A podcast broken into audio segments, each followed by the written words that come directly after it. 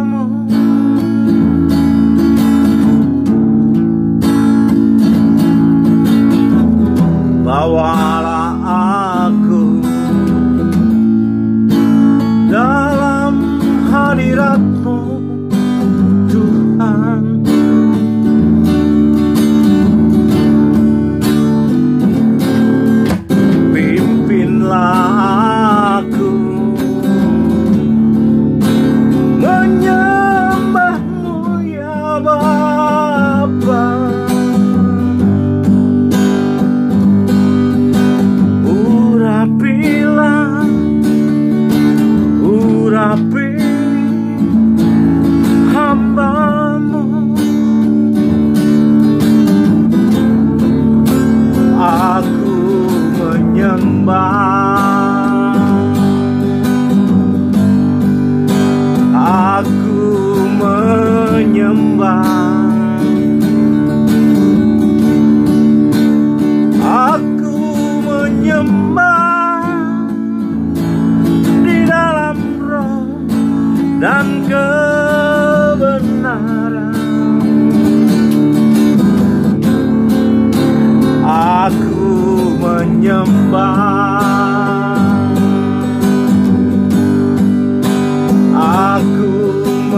Menyembah Aku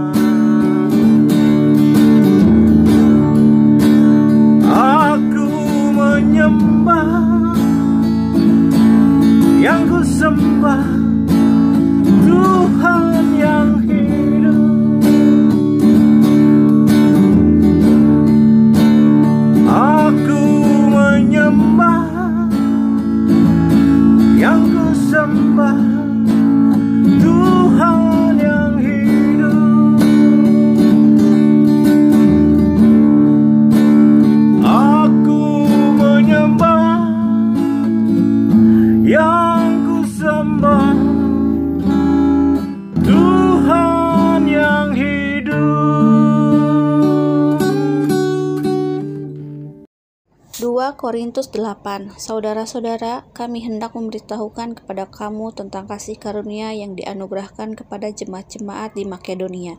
Selagi dicobai dengan berat dalam berbagai penderitaan sukacita, mereka meluap dan meskipun mereka sangat miskin, namun mereka kaya dalam kemurahan.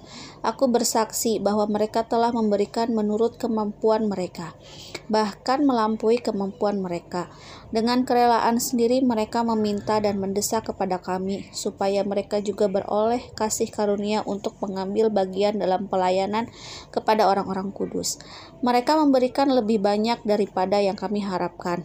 Mereka memberikan memberikan diri mereka pertama-tama kepada Allah, kemudian oleh karena kehendak Allah juga kepada kami. Sebab itu kami mendesak kepada Titus supaya ia mengunjungi kamu dan menyelesaikan pelayanan kasih itu sebagaimana ia telah memulainya. Maka sekarang sama seperti kamu kaya dalam segala sesuatu, dalam iman, dalam perkataan, dalam pengetahuan, dalam kesungguhan untuk membantu dan dalam kasihmu terhadap kami, demikianlah juga hendaknya kamu kaya dalam pelayanan kasih ini. Aku mengatakan hal itu bukan sebagai perintah, melainkan dengan menunjukkan usaha orang-orang lain untuk membantu. Aku mau menguji keikhlasan kasih kamu. Karena kamu telah mengenal kasih karunia Tuhan kita Yesus Kristus, bahwa Ia yang oleh karena kamu menjadi miskin, sekalipun Ia kaya, supaya kamu menjadi kaya oleh karena kemiskinannya. Inilah pendapatku tentang hal itu yang mungkin berfaedah bagi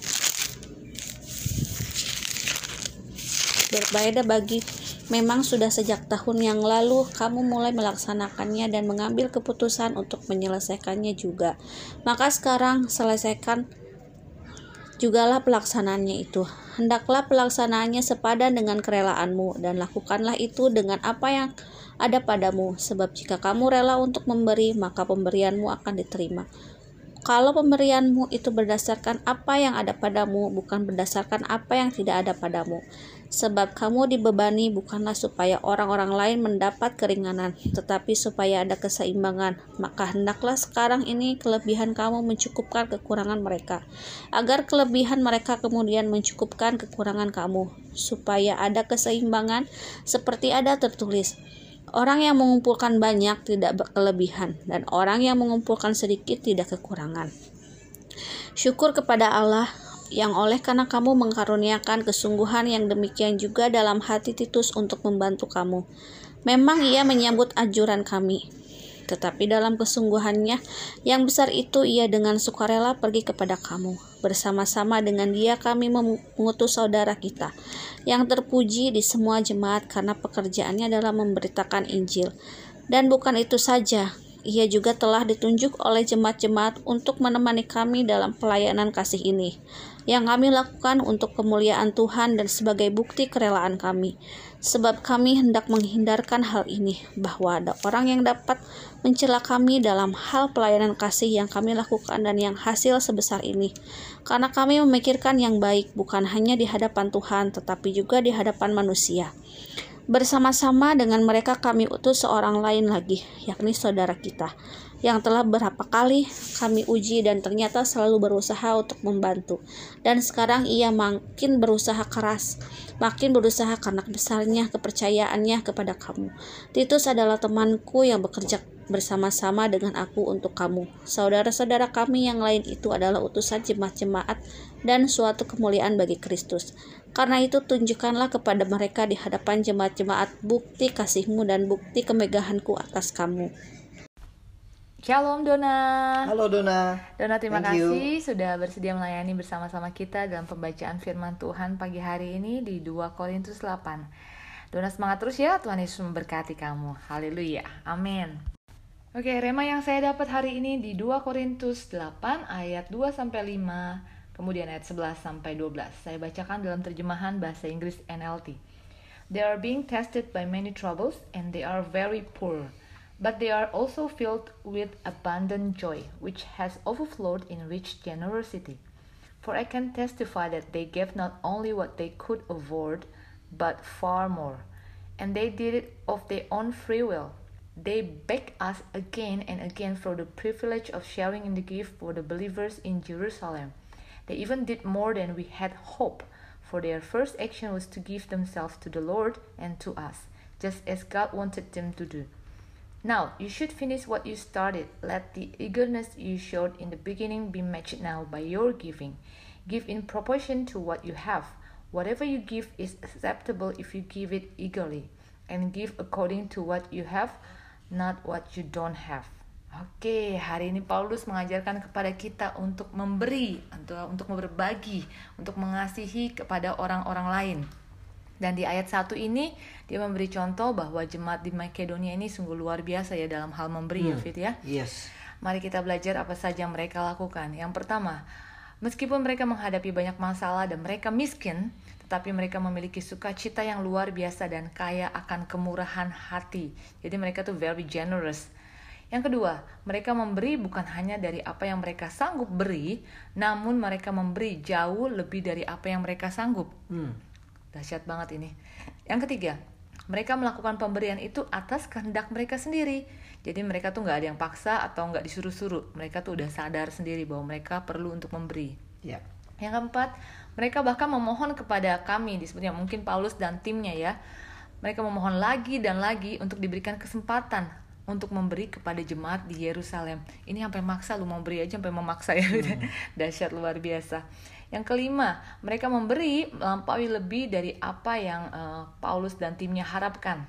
Yang keenam, action pertama mereka adalah memberikan kepada Tuhan dan kepada Paulus dan teman-temannya sesuai dengan apa yang Tuhan kehendaki. Wow, ini eh, pelajaran yang sangat luar biasa pagi hari ini tentang makna memberi dari jemaat Makedonia.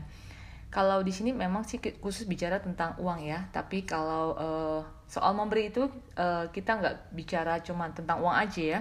Namun kita bisa memberi juga dalam hal yang lain, dalam bentuk yang lain. Contohnya mungkin waktu, perhatian, tenaga, pikiran, kepedulian dan lain sebagainya. Seperti yang kita lakukan beberapa eh, hari yang lalu ya Fit ya, saat kita mengadakan acara Natal Cool GM bersama-sama, itu sungguh luar biasa kesatuan hati dalam saling memberi ya Oh iya. Kita Ya. satu sama lain semua tim yang ada Semua semua, antusias. eh, teman-teman yang ada sangat antusias dan saling memberi apa yang mereka punya mereka memberikan tenaga mereka talenta, talenta mereka waktu mereka ide kreativitas keterampilan dan lain-lain Luar biasa. luar biasa ya saling memberi dan saling peduli teman-teman mungkin kita nggak nggak seperti jemaat di Makedonia yang luar biasa namun kita mau belajar bersama-sama untuk terlibat di dalam melayani Tuhan di dalam melayani satu sama lain dan dalam memberikan yang terbaik. Nah, di ayat 11 sampai 12 dikatakan seperti ini. Yang pertama, beri sesuai dengan apa yang kamu miliki. Yang kedua, kalau kamu mau memberi, nggak masalah kok berapa banyak yang kamu mampu berikan. Yang ketiga, Tuhan mau kamu memberi dengan apa yang kamu miliki, bukan apa yang tidak kamu miliki. Jadi intinya begini teman-teman, kita semua pasti memiliki sesuatu ya Fit ya. Iya. Dan Tuhan pasti karuniakan kepada kita talenta masing-masing. Mungkin ada yang sama dan mungkin juga ada yang berbeda-beda. Namun Tuhan mau kita memberi dan melayani satu sama lain dengan apa yang kita miliki loh. Jadi teman-teman, mari kita saling berbagi dan jangan dipendam setiap talenta-talenta yang sudah Tuhan anugerahkan dalam kehidupan kita. Mari kita mulai dulu dalam mungkin kul kita dan komunitas kecil kita dan kita percaya bahwa ketika kita setia di dalam hal-hal kecil untuk memberikan yang terbaik, kita pasti akan juga dipercayakan Tuhan untuk perkara-perkara yang lebih besar dan jadi berkat bagi orang-orang lain. Amin. Haleluya. amin. Jadi Amin. ayat yang eh, pasal yang ke-8 ini mengajarkan kita bahwa kasih karunia itu bisa membuat orang kaya dalam beberapa hal.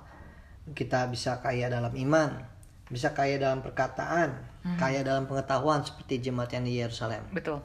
Tapi yang kita pelajari dari jemaat di Makedonia ini, kasih karunia Tuhan Yesus membuat kita itu kaya akan kemurahan.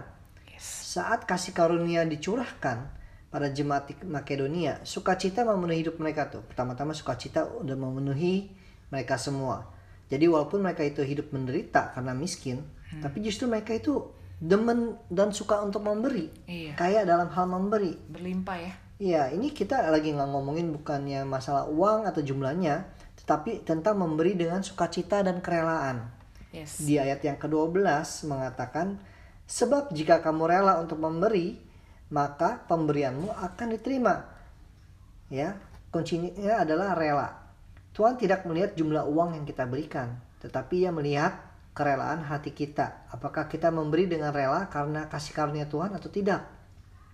Masih ingat kisah seorang kaya yang memberikan banyak uang persembahan dan seorang janda miskin yang memberikan hanya dua peser? Yep. Lalu Yesus mengatakan, sesungguhnya janda miskin ini memberi lebih banyak dari pada semua orang itu. Persembahan adalah attitude atau sikap kita terhadap Tuhan. Apakah kita sungguh mengasihi Tuhan atau apakah persembahan kita hanya ritual keagamawian? Nah, hal yang kedua, kasih karunia Tuhan Yesus membuat kita itu kaya akan hal melayani. Yes. Jemaat di Makedonia jadi suka melayani. Dalam ayat yang keempat kita lihat bagaimana mereka bahkan mendesak ya. Mereka mendesak, ayo dong, ayo dong, aku mau ikut mengambil bagian dalam pelayanan. Kita harus bersyukur kalau kita saat ini udah masuk dan ambil bagian dalam pelayanan. Itu semua anugerah. Iya. Bagi yang belum eh, terlibat, ayo mari kita datang melayani Tuhan Yesus bersama-sama. Biarlah sukacita Tuhan memenuhi kita semua hari-hari ini sehingga hidup kita penuh dengan ucapan syukur. Ayat yang ke-15 mengatakan orang yang mengumpulkan banyak tidak kelebihan dan orang yang mengumpulkan sedikit tidak kekurangan. Ayat ini mengajarkan kita untuk selalu menjaga keseimbangan. Tuhan memberkati kita bukan untuk diri kita sendiri, tetapi supaya kita menjadi saluran berkat. Di saat pandemi ini, mari kita saling bahu-membahu, saling memperhatikan, dan saling membantu sau- saudara dan saudari yang membutuhkan pertolongan. Bukan hanya dengan uang, tetapi juga bisa dengan kasih, perhatian, doa, dan support, dan segala hal. Oke? Oke, haleluya. Oke teman-teman, sekian hari ini dan kita ketemu lagi besok ya. Sampai ketemu besok teman-teman. God bless God bless you. you.